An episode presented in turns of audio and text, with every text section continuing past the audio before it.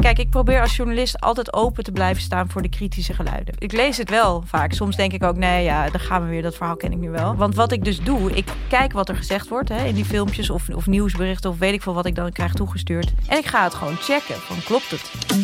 Welkom bij Powercast, een podcast van Harper's Bazaar, waarin we in gesprek gaan met leiders, creatieve denkers en entrepreneurs. We praten over persoonlijke successen, briljante mislukkingen en de kracht van intuïtie. Ik ben Miluska van het Lam, hoofdredacteur van Harper's Bazaar. En ik weet zeker dat hun ervaringen jou voorzien van een flinke dosis power bij het realiseren van jouw dromen. Op uitnodiging van Best Secret gaan we in gesprek met een van de genomineerden van Harper's Bazaar Women of the Year 2020.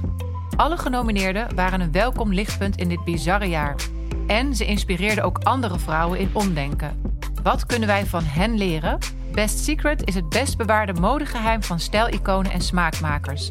Een by invitation fashion platform met exclusieve toegang tot items van de mooiste merken voor vrouwen, mannen en kids. Van Dior en Gucci tot Scotch en Soda en Tommy Hilfiger. En het aantrekkelijke is met maar liefst 20 tot 80 procent korting.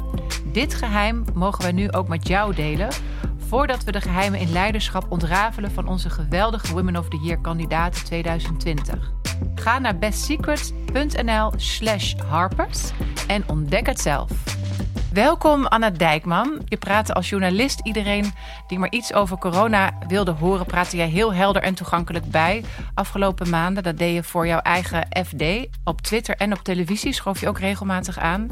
En je kraakte ook wel een kritische noot waar nodig was. En dat vonden wij wel heel aangenaam. Precies wat we nodig hadden eigenlijk. Daarom was jij voor de redactie in onze adviesraad de tafel van 12 een uitblinker. En een nominee voor Women of the Year 2020 van Harper's Bazaar. Van harte welkom nogmaals. Anna, hoe gaat het met je? Uh, ja, wat zal ik zeggen? Nou, ik wil nog even zeggen dat ik me heel erg vereerd door de nominatie voelde. Dat is natuurlijk waar je het helemaal niet voor doet als journalist. Maar het is wel heel leuk om dat soort waardering dan ook uh, te krijgen. Um, heel graag gedaan. Nou ja, hoe het met me gaat. Ja, het is heel druk weer natuurlijk. Ja. Uh, de zomer was wat rustiger. Hè? Het virus uh, was toch wat onder de duim, leek het. En nu zitten we eigenlijk weer... Ja, ik heb af en toe een beetje het gevoel dat we weer terug zijn in maart. Ja. Met het verschil dat we toen echt overvallen waren, dat het helemaal nieuw was. Ja. En nu op een bepaalde manier zijn we ook wel weer overvallen. Ja. Maar we hadden het kunnen weten misschien. En dat maakt het wel weer anders deze ja, keer. Dat knaagt. Ja. ja. En dat brengt ook allerlei nieuwe emoties met zich mee. En ik vind het ook interessant om daar met jou over te praten. Want um, je vertelde me dat je psychologie hebt gestudeerd. Dus daar weet je vast vanuit uh, die uh, achtergrond ook wel wat over te vertellen. Nou ja, jij staat bekend dus als zorgjournalist. Maar ik zag ook dat je uh, onderzoeksjournalist bent geweest. Waar voel jij eigenlijk het meest comfortabel bij? Bij welk, bij welk begrip? Ik noem mezelf meestal uh, financieel-economisch journalist. Ja. Want zo ben ik ooit begonnen in de journalistiek. En uh, ik richt me meestal op de financiële kant van dingen. Uh, economie vind ik een heel interessant onderwerp. En ja, de zorg, dat is, uh, daar heb ik me de afgelopen twee jaar mee bezig gehouden voor het Financiële Dagblad. En ja, daar ben ik ja, opgezet. Dat klinkt een beetje alsof ik zo gedirigeerd ben. Maar dat is mij gevraagd of ik dat wilde doen.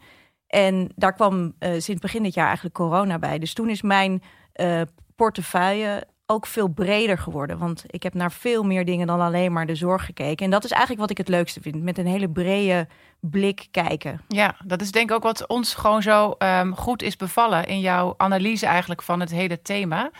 Uh, ik vind het heel um, grappig, de anekdote die je net met mij deelde over hoe corona ineens jouw onderwerp werd. Want zo ineens kan het in het leven gaan. Wil je dat met ons delen? Ja, zeker. Nou ja, wat ik al zei, ik ben dus eigenlijk zorgjournalist. En op een gegeven moment in januari ja, we zagen in China natuurlijk een nieuw virus. Uh, daar ging het heel hard uh, in Wuhan. En toen kwam vanuit de hoofdredactie de vraag: van, ja, iemand moet dat eigenlijk uh, gaan coveren. Iemand moet daarop zitten. Ook in Amsterdam, want we hadden ook een correspondent nog in China. Wij als een van de weinige kranten. En ehm, dus er werd aan een paar mensen gevraagd: van, Goh, wil je dat doen? Nou ja, een collega van mij die zei toen: Ah, joh, is, dat is niks, dat virus. En het zal wel weer overwaaien. En ik dacht ik had echt nooit ge gedacht dat het zou worden zoals nu hoor. Nee, dat nee, zeg nee, ik er meteen bij. Niet dat Ja. ik een soort van uh, visionair ben wat dat betreft. Maar ik dacht wel, ik vind dit heel interessant. Ja. Het boeide me meteen enorm. Dus ik zei, nou, uh, ik wil het eigenlijk wel doen. Ja, En nou ja, dat was in januari, dus toen was het vooral in China natuurlijk uh, speelde het. En ging het er meer om van hoe gaat het ons raken, weet je. Dan waren de hele verhalen nog over fabrieken die zouden stilvallen. Dat onze winkels leeg zouden raken, dat soort dingen. Dus ik keek meer toen vanuit dat uh, perspectief eigenlijk. En ja, toekomend naar Europa, naar Italië. En vanuit Italië heel snel naar en naar Nederland. En bleek het eigenlijk al lang onder ons te zijn. En toen ging het mis in de zorg natuurlijk. Dus kwam mijn oude portefeuille er weer bij. Ja. Dus vanaf maart uh, ja. ontplofte mijn werk een beetje. Ja, ja, ik kan me voorstellen. Heb je spijt dat je je vinger hebt opgestoken? Nee, absoluut niet. Nee. Ja, ik denk dat het uh, ja, misschien wel een van de interessantste periodes uh, van mijn carrière is. ja, ik kan me goed voorstellen. En dat is natuurlijk aan de ene kant is het heel een hele nare tijd voor iedereen. Maar als journalist is het ook wel een hele interessante tijd. En je hebt ook wel het gevoel dat je, ja, dat je wat kunt toevoegen. En natuurlijk niet zoals mensen in de zorg, hè, dat je echt levens aan het redden bent.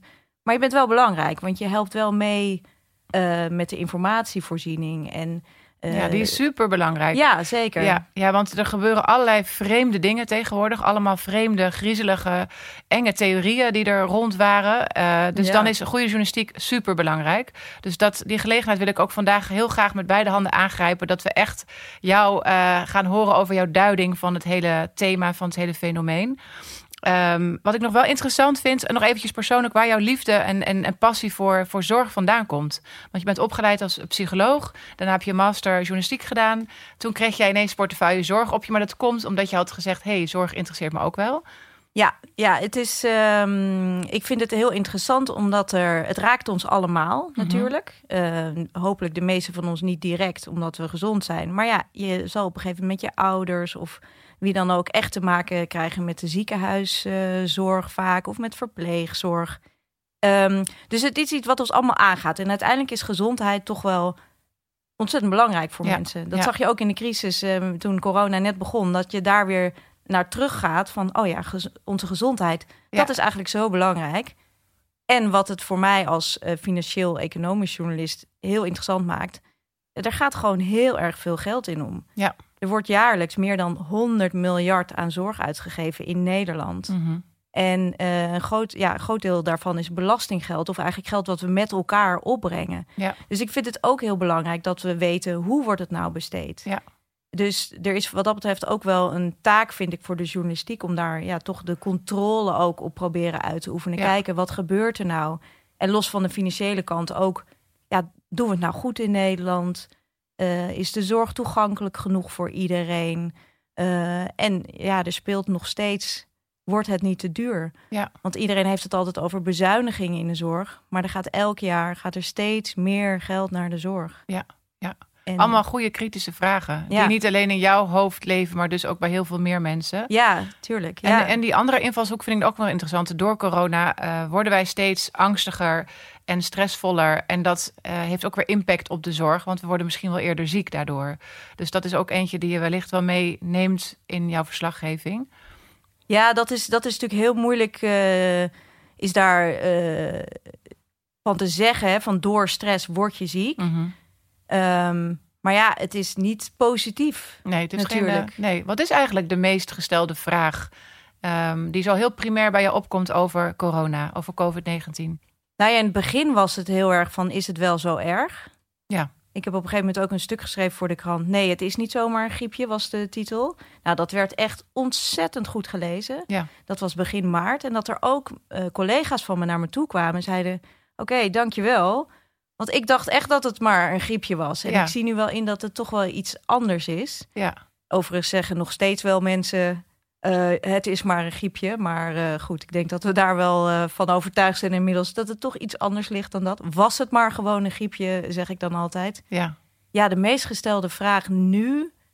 Um, ja, ik denk toch... Um, gaat het weer helemaal mis? En ook een, hoe lang zijn we hier nog mee bezig? Ja. Hoe lang gaat dit nou nog duren?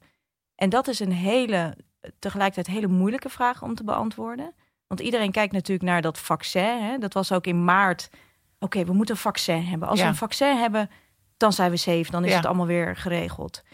En als je er nu naar kijkt, dan zie je, mm, ja, dat is misschien iets te optimistisch uh, gesteld. Het kan wel wat helpen, net zoals alle maatregelen helpen.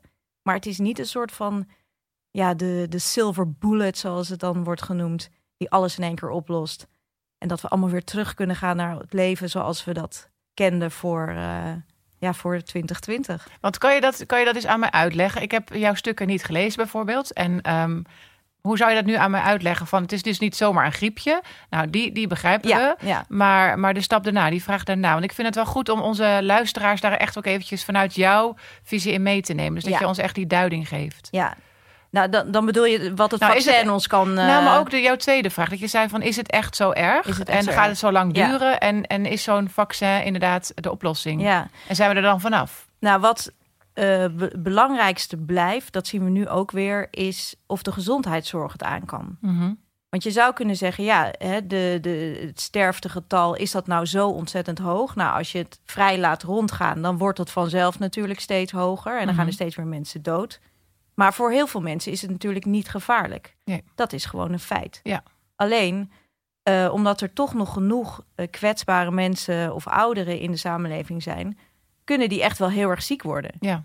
En dat legt zo'n grote druk op de zorg, dat Ja. ook de andere zorg in het ge- gedrang komt. Dat, dat is eigenlijk wat je nu weer ziet, hè? Ja. Dat de reguliere zorg weer wordt teruggebracht. Ja. En ja, dat, dat gaat op een gegeven moment, zou dat natuurlijk ook gevaarlijk kunnen worden voor mensen die echt wel zorg nodig hebben. Of die niet naar de dokter gaan met een verdacht plekje op hun huid. Ja. En dan blijkt dat later toch iets te zijn. Dus dat is eigenlijk het grootste gevaar nu. Ja. En eh, ja, omdat er zoveel. Hè, er is nog geen immuniteit Nee. in, de, in de samenleving. Dus eh, er zijn gewoon heel veel mensen die nog steeds heel erg ziek kunnen worden. Ja. En dat is eigenlijk het grootste probleem. Dat blijft het probleem.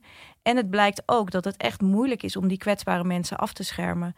Want je zou kunnen zeggen, in de zomer hè, ging het veel rond onder jongeren. Nou ja, die worden niet heel erg ziek. En ouderen die houden, hielden van zichzelf, denk ik. Tenminste, als ik naar mijn vader keek. hè, Die, was echt, die bleef nog wel gewoon voorzichtig. Ja.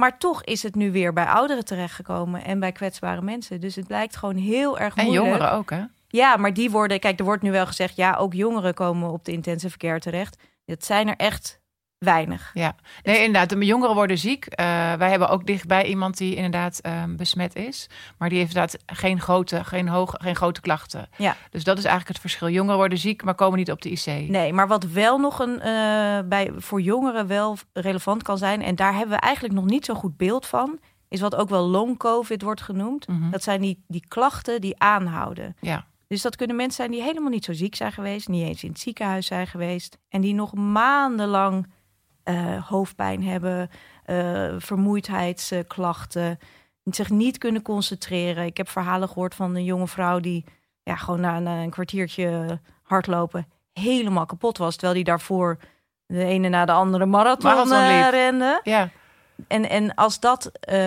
ook veel jongeren raakt, dan kan het natuurlijk ook wel een probleem zijn. Want die zijn dan, ja, we weten nog niet voor hoe lang, Ja. een soort van uitgeschakeld. Ja. En, en dat wil je natuurlijk ook niet. nee. Dus er lopen veel lijnen op dit moment en veel, veel zorg Ja. ook op die manier. Ja. Ben je ook aan het onderzoeken waar, waar we de oplossingen in moeten vinden? Ben je in gesprek met mensen? Wat is jouw eigen analyse daarvan? Nou ja, ik heb dus bijvoorbeeld ook eh, dat vaccin. Hè, wat, wat, wat gaat dat nou voor ons betekenen? En er zijn nu een aantal vaccins die veelbelovend lijken. Die, dat weten we nog niet helemaal, hè, wat Mhm. eruit komt. Want ze zitten in onderzoeken. En het kan nog steeds zijn dat er wordt gezegd van... nou ja, het werkt toch niet goed genoeg of het is niet veilig. Maar er wordt eind van het jaar wel de eerste resultaten wordt, eh, van een aantal verwacht. Maar ja, dan weet je het nog steeds niet helemaal.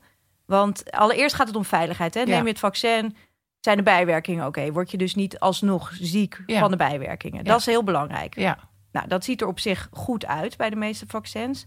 Maar dan moet je ook weten of het goed genoeg werkt. Ja. En dat is ehm, dat het dus ziekte voorkomt, Ja. eigenlijk. En dat, dat wordt ook effectiviteit genoemd. Ja. Maar we zeggen eigenlijk nu, als het 50% effectief is, dan vinden we het al goed. Dat betekent dus dat maar de helft van de mensen eh, niet ziek hoeft te worden. Ja. Want je eigenlijk, tenminste mijn idee ook als leek was, ja, je neemt een vaccin, dan ben je gewoon beschermd, toch? 100%. Ja, zo, we- zo dachten we dat allemaal. Precies, ja. Maar zo werkt het dus niet. Bij de meeste vaccins niet. Dat is ook bijvoorbeeld bij het griepvaccin werkt het ook niet zo. Je kunt nog steeds ziek worden. Eens, ja. Maar goed, het helpt natuurlijk wel als niet 100% van de mensen ziek, Ziek wordt, wordt. maar 50%. Alleen betekent het nog steeds dat mensen ziek kunnen worden en ook ernstig ziek. Dus het kan best wel zo zijn dat we nog een tijd met maatregelen zitten. En misschien hebben we straks wel verschillende vaccins. Hè, dat je dan kunt zeggen van nou oké, ehm, voor ouderen werkt deze uh, goed. Ja. Uh, jongeren die uh, worden niet ziek, maar je wilt dat die niet de besmettingen te veel overdragen, dan werkt dit vaccin goed. Dat je een soort gereedschapskist uiteindelijk hebt met verschillende vaccins die op verschillende manieren kunnen helpen. En dat betekent niet dat er nooit meer iemand ziek gaat worden. Nee. Maar je hoopt wel dat daarmee die pieken, zoals we nu weer zien, ja. en in de eerste golf, dat die er niet meer zijn. Ja. Is het vergelijkbaar met een andere ziekte in de wereld? Dat we hem zo moeten gaan bestrijden en gaan behandelen? Mm. Ook met dat maatwerk wat je net schetste. Van goh, voor die groep zo, voor die groep zo, of deze situatie zo. Nou ja, kijk, er zijn natuurlijk. Griep kan ook echt wel gevaarlijk zijn voor, uh, voor mensen. Maar daar hebben we vaccins uh, tegen. En we hebben daar al wat immuniteit in de bevolking vaak tegen. En dat is wel minder dodelijk dan mm -hmm. uh, dit virus lijkt het, dan het coronavirus lijkt het nu op. Um, ja, we hebben, we hebben natuurlijk uh, 100 jaar geleden hebben we de Spaanse griep gehad. Mm -hmm. Maar ja, toen hadden we nog helemaal niet uh, beschikking over allerlei vaccins en zo. Nee. Maar ik denk dat je het misschien daar nog wel het beste mee uh, kunt vergelijken. Hoewel er ook wel enorm veel verschillen zijn hoor. Maar uh, ja, dat, dat, dat denk ik wel. Ja. Want er zijn natuurlijk wel vaker virussen geweest. We hebben natuurlijk ebola-uitbraken. En we hebben eerder ook het SARS-virus uh, gehad. Maar allemaal heel lokaal gebonden. Ja, omdat dat, die virussen waren zo dodelijk... Ja. dat ze eigenlijk heel snel... Uh, dat ze daarmee heel lokaal blijven. Ja, ja. En dit virus is minder dodelijk. Het kan zich wat dat betreft makkelijker verspreiden. Omdat mm -hmm. ja, niet iedereen heel ziek wordt. Sommige mensen hebben helemaal geen symptomen. Dus dat is voor het virus eigenlijk... Voor het virus is dat nou ja, als afhankelijk uh, virus heeft natuurlijk geen doel. Hè? Dat nee, is nee, nee. Ja. Maar uh, dat kan zich wel makkelijk uh, verspreiden op die Maar als ik jou zo hoor vertellen, dan zijn we echt nog eventjes zoet hiermee. Ja. Dan is het gewoon voorlopig in ons leven. Ja, nou ja, kijk, wat mij ook door ook virologen verteld is... Nou, we gaan echt wel een pittig half jaar tegemoet. Mm -hmm. Dus ook vanwege de winter natuurlijk. We zitten meer binnen. Um, en dan zou het vanaf het voorjaar als er dan hopelijk ook een aantal vaccins beschikbaar zijn. En omdat het gewoon voorjaar is, hè, wat we ook ja, bij de eerste, eerste golf, golf zagen. Ja. We gaan weer meer naar buiten. Dan zou het wel een stuk beter moeten worden. Ja, maar, maar dan... hoe dan de winter over een jaar eruit ziet, ik heb geen idee. Dat durf ik ook eigenlijk echt niet een nee, uitspraak, niet uitspraak te, doen. te doen. Nee. Maar wat me wel zeg maar weer interessant lijkt aan jouw vak, maar wat ons ook allemaal natuurlijk heel erg boeit, van oké, okay, laten we ervan uitgaan, het blijft voorlopig nog in ons midden. Maar hoe gaan we dan economisch daar weer mee om? Ja. En wat we, met welke maatregelen gaan we werken? Uh, uh, ja, hoe gaan we inderdaad onszelf weer opnieuw uitvinden en andere wegen bewandelen? Zijn het ook onderwerpen waar jij nu je al aan het verdiepen bent? Ja, de economische kant ervan? Ja, nou kijk, iedereen wil, de dat, maatschappelijke? iedereen wil dat natuurlijk ook weten. Want Ja. ondernemers willen ook een plan maken. Ja. Want ja, nu zitten we weer in een soort van acute crisissituatie. Bijvoorbeeld de horeca natuurlijk dicht. Eh, veel andere bedrijven die last hebben, die nou ja, niet eh, door kunnen gaan zoals ze gewend waren. Maar iedereen wil natuurlijk weten, ja, waar, waar zit ik nou tegenaan te kijken? Is dit tijdelijk? Ja, Of kan ik beter de tent sluiten? Want eh, de komen, het komende jaar eh, is er geen enkele verbetering te zien. ja, En ehm, ja, dat is natuurlijk. Het is wel heel lastig om dat te zeggen. Iedereen wil natuurlijk bepaalde zekerheid. En dat is nu zo ontzettend moeilijk te geven. ja. Dus de zekerheid, er is geen zekerheid. Er- dat ja, is onze zekerheid eigenlijk. Eigenlijk wel. Ja. En je kunt natuurlijk wel. ehm, kijk, wat, wat ik wel denk, is dat we. Ja, we moeten rekening houden met maatregelen. Ja, Maar hopelijk krijgen we wel steeds meer tools om eh, het virus toch een beetje er, eronder te kunnen houden. Het is Ja. dan nog wel onder ons en we moeten alert zijn. Maar we zijn er nog we niet. zijn er nog niet. En, Nee. en, en sommige individuen of sommige hè, eh, ehm, uitspattingen, zoals toch stiekem ergens een feestje, dat zijn echt dingen die gewoon echt niet meer kunnen. En die je ook niet op de hals moet gaan halen. Nee, dat vind ik niet. Ik denk wel dat dat uitzonderingen zijn hoor. En je kunt ook kijken van ja, hoe kun je die mensen aanspreken? Want alleen maar solidariteit werkt misschien ook weer niet. Eh, maar je kunt misschien ook wel zeggen van ja, luister, het wordt alleen maar erger als we zo doorgaan. Zie heb jij eh, landen als voorbeeld waar je naar kijkt eh, die het goed doen wat maatregelen betreft, waar je ook als journalist je in verdiept? Nou, ik, heb, ik kijk natuurlijk wat er in andere landen gebeurt. ehm, van het begin af aan. En wat mij eigenlijk daarin is opgevallen. Er zijn best wel wat landen die op het schild zijn gehezen. Mhm. Kijk eens hoe goed zij het doen en zij hebben het eronder. En ze zijn bijna allemaal al een keer Ja. daarvan Doorheen gezakt. Dus ik, ik, eigenlijk zegt mij dat vooral... Het is heel erg moeilijk om te zeggen van één aanpak is, het ju- is de juiste. Mhm. er zijn wel landen waarvan je kan zeggen, nou, die doen het goed. Maar het is ook wel zo dat landen die het bijvoorbeeld heel goed doen, dat zijn vaak eilanden. Ja. Ehm, dus ja, dat geeft alweer aan. Dat is gewoon veel makkelijker te, te organiseren. Ja. Dus ehm, ik vind het heel lastig. En het heeft ook weer lokaal met, met dingen te maken. Waarom is er ergens een uitbraak? Hè? Het, het, het is echt moeilijk om te zeggen: één land doet het fantastisch. En andere landen doen het verschrikkelijk. Nou ja, er zijn misschien wat landen die het, die het echt wel een beetje hebben laten lopen. Maar Ja. het, het is lastig. Ja, het is ook lastig. Ja. Maar het is ook wel een geruststelling dat eh, iedereen doet het op zijn manier met de beste intenties. En natuurlijk worden er fouten gemaakt en wordt er zo gereageerd wat je net schetste. Ik ben ook heel erg benieuwd wat het hele COVID met jouw persoonlijke leven eh, gedaan heeft. heeft. Heeft het jouw wereld ook persoonlijk op, op zijn kop gezet? Zijn er mensen die boos aan jouw deur kloppen en eh, die jou lastigvallen? En wat, wat gebeurt er in jouw persoonlijke leven? Ja, nou gelukkig nog niet echt aan mijn deur. Wel aan mijn, eh, de Mail- deur van mijn mailbox. Ja. Eh, ja, ik krijg wel in toenemende mate boze mails of berichten op Twitter of in, op LinkedIn. Ehm, ja, dat, dat varieert van mensen die ja, zeggen kritische vragen te hebben... tot mensen die echt beginnen te schelden... of zeggen dat ik eh, verantwoordelijk ben voor de ondergang van Nederland. Oh, kijk. Het zijn ook vaak mensen die volgens mij niet eens mijn stukken direct lezen, maar dan eens een stuk hebben gelezen en eigenlijk geen idee hebben wat ik verder nog heb geschreven. En graag een stukje willen schrijven die dag. Ja, of ik, ik weet het niet. sturen. En dan sturen ze me allemaal steeds eh, linkjes van video's eh, van Café Weltsmerch. En, ehm, maar ik moet wel zeggen, kijk, ik probeer als journalist altijd open te blijven staan voor de kritische geluiden. Ja. Dus ik ben eigenlijk vaak wel dat soort linkjes. Ik lees, ik lees Ja. het wel vaak. Soms Ja. denk ik ook, nee, ja, daar gaan we weer. Dat verhaal ken ik nu wel. Maar kan je, dat, kan je dat mentaal aan? Doet het iets met jou? Nou, het is meer dat ik soms een beetje denk... Want wat ik dus doe, ik kijk wat er gezegd wordt. Hè, Ja. in Die filmpjes of, of nieuwsberichten of weet ik veel wat ik dan krijg toegestuurd. En ik ga het gewoon checken van klopt het? Ja, dus je dus blijft ik ga met de expert, onderzoeksjournalist. ja, ik ga met de experts bellen. Ik leg het ze voor. Ik ga zelf lezen. Ja, En eh, als je dat een aantal keren hebt gedaan op een gegeven moment... en mensen blijven je verwijten, die zeggen...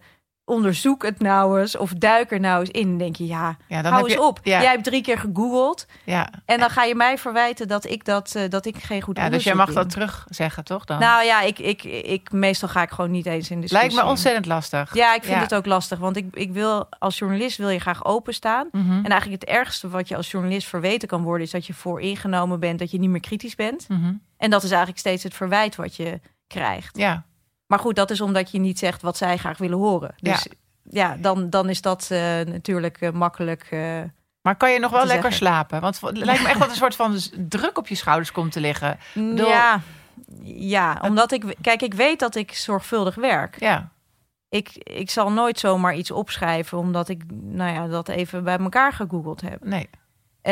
En ik moet, moet natuurlijk wel ook afgaan op wat de experts mij vertellen. Maar daarin probeer ik ook een brede selectie te maken. Hè. Ik bel niet altijd dezelfde mensen. Ik denk, oh, ik ga die eens bellen. Ik zoek ook naar het afwijkende geluid. Dus ik probeer echt wel heel zorgvuldig te werk te gaan. Dus met dat in mijn achterhoofd denk ik, ja, nou, ik, ik probeer zo goed mogelijk mijn werk te doen. En er zal heus wel eens een keer wat zijn eh, wat niet goed gaat. Of wat na, na een tijdje, in het begin van de, van de crisis, wisten we natuurlijk veel minder van het virus dan nu. Mondkapjes werd toen echt een beetje als onzinnig gezien. Nu is er steeds meer bewijs dat het echt wel wat kan, kan werken. Dus ja, daar verander je dan wel in mee natuurlijk. Maar het onderwerp zelf, COVID zelf, daar kan je nog steeds lekker van ja, slapen. ja, ik blijf het gewoon heel erg interessant vinden. Ja, Ja, Maar het is ook niet dat je denkt, mijn hele leven, we gaan een ander leven tegemoet. Nou, Zo- zo angst- ik denk, en- nee, nee. ik denk het niet. Want dat vond ik dus ook wel weer heel interessant van de zomerperiode.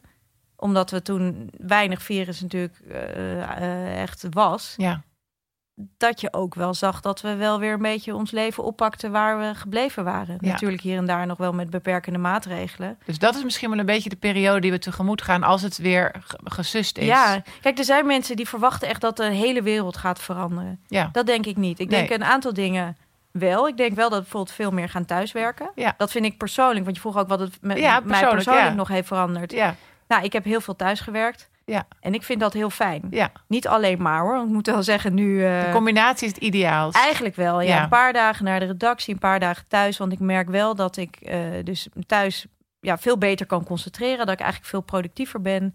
Het is bij ons op de redactie normaal gesproken ontzettend druk. Ja. Eh, iedereen komt, eh, staat om de tien minuten aan je bureau. Even iets vragen, even iets. eh, Veel telefoontjes worden gepleegd Ja. natuurlijk. Ja. en eh, rumoer. En, ehm, dus ik merk dat ik dat eigenlijk wel heel fijn vind aan het thuiswerken. Ook de balans tussen privé en werk vind ik veel makkelijker. Ja. Want anders zat ik ja, met zweet op mijn snor van... Oh, ik heb een deadline, maar ik moet mijn kinderen ook halen van school. Of hoeveel kinderen heb je? Twee, Ja. twee zoons. Ja. Van acht en bijna tien. Dus Oh, groep vijf en zes. Ja. En nu denk ik al sneller van, oh ja, weet je, ik haal ze vast. En dan heb ik bijvoorbeeld in de lunchtijd al een boodschap gedaan voor het eten of zo. En dat is het veel relaxer. Dan ga- gaan zij vast even zitten, kijken ze een beetje tv of eh, gamen. Daar zijn ze nogal van. Maak ik even mijn werk af. Het is veel Dus relaxer voor jou is dan... het de, de, de daarvoor. combinatie heel goed. Ja. Ja. ja. Maar ik denk dus dat dat thuiswerken, dat zal wel blijven, wel Mhm. meer. Eh, nou, in de zorg bijvoorbeeld, daar zag je in eerste instantie dat er veel meer digitale zorg werd geleverd. En iedereen hoopt daar al jaren op in de zorg dat dat gaat gebeuren. En nu leek dat te gaan gebeuren. Maar gek genoeg, toen het weer rustig was in de zomer, zakte dat dus weer heel erg weg. Het is toch een- ook weer gedragsverandering en, Ja. en, en gewoontes. Het zijn gewoontes en eh, ja, het is misschien toch dat we, hè, dat digitale vervangt wel veel, maar niet alles. Nee. Dat is dan misschien ook wel de conclusie. Ik denk dat we de combinatie heel erg blijven houden. Ja. Hey, en stel je voor, COVID is straks eh, op een bepaalde manier heeft het een plekje gekregen in ons leven. Ik ga echt niet zeggen dat het uit ons leven verdwijnt, dat is niet zo. Wat wordt dan jouw nieuwe onderwerp als Ja, journalist? goede vraag. Nou, wat ik zelf eh, heel interessant vind, eh, ik zou me graag meer met de economie bezighouden. Mhm. Want straks hebben we misschien het virus. Nou ja, kunnen we het ermee leven, om het zo maar te zeggen. De economie gaat natuurlijk nog wel lang hier de naweeën van voelen. Ja. En dat vind ik wel heel interessant om te kijken van ja, hoe gaan we daarmee verder? En het is iets. Ik heb ook een paar jaar geleden nog eh, een studie economie opgepakt aan de universiteit. Wat heb ik goed. niet, eh, niet, afgemaakt. Maar eh, ja, dit is wel iets wat dat betreft een hele gekke crisis ook weer, omdat het zo eh, zo abrupt is, weet je. In één keer valt iets stil. En dan zie je daarna zie je weer een opleving. Nu valt het weer in één keer stil. Kunnen we dan weer, eh, als het straks weer beter gaat, dat weer zo oppakken? Of gaat het echt structureel? Zijn er dingen misgegaan? Ja. En wat betekent dat dan? Ja, dus het hele economische Ja, blik, die gaan hoe we dan lang van gaan jou- we hier nog last van hebben? En ook voor eh, ja, de, de, de staatsschulden, hè, want die zijn natuurlijk enorm opgelopen. Wat betekent dat voor ons verder met Voor de burger. voor de burger? Ja. ja. ja. Dus dat vind ik, vind ik ook heel erg interessant. Heb je dat dan bij jouw eh, hoofdredacteur neergelegd? Dat ik, ik heb al eens mijn vinger opgestoken van. En als we eh, moeten even goed naar deze podcast luisteren. Want ik weet zeker dat we dan ook weer eh, eh, jouw, jouw pen gaan volgen en aan je lippen gaan hangen. Want Bazaar is ervan overtuigd dat we ook als vrouwen veel meer financieel bewust moeten zijn. Helemaal Eh, waar, Dus ja. ga ons daar alsjeblieft in servicen, want dat hebben we nodig. En ehm, onze eigen economische verantwoordelijkheid, die moeten we echt ter harte nemen. Wat meer dan we nu doen. Ik wil jou bedanken voor dit hele mooie gesprek en dat jij zulke mooie duiding hebt gegeven. En ehm, ik hoop je terug te zien bij de onthulling van eh, de winnaressen van Women of the Year. Dankjewel en nogmaals gefeliciteerd met de mooie plek op onze shortlist. Ik ben heel trots dat je hier was. Dankjewel. Graag gedaan. Dankjewel voor het luisteren naar deze Powercast. Je kunt deze en alle andere afleveringen terugvinden in je favoriete podcast-app. Wil je altijd up-to-date blijven? Volg ons dan via het magazine, via onze site harpersbazaar.nl, onze social media kanalen of tot ziens op een van onze events.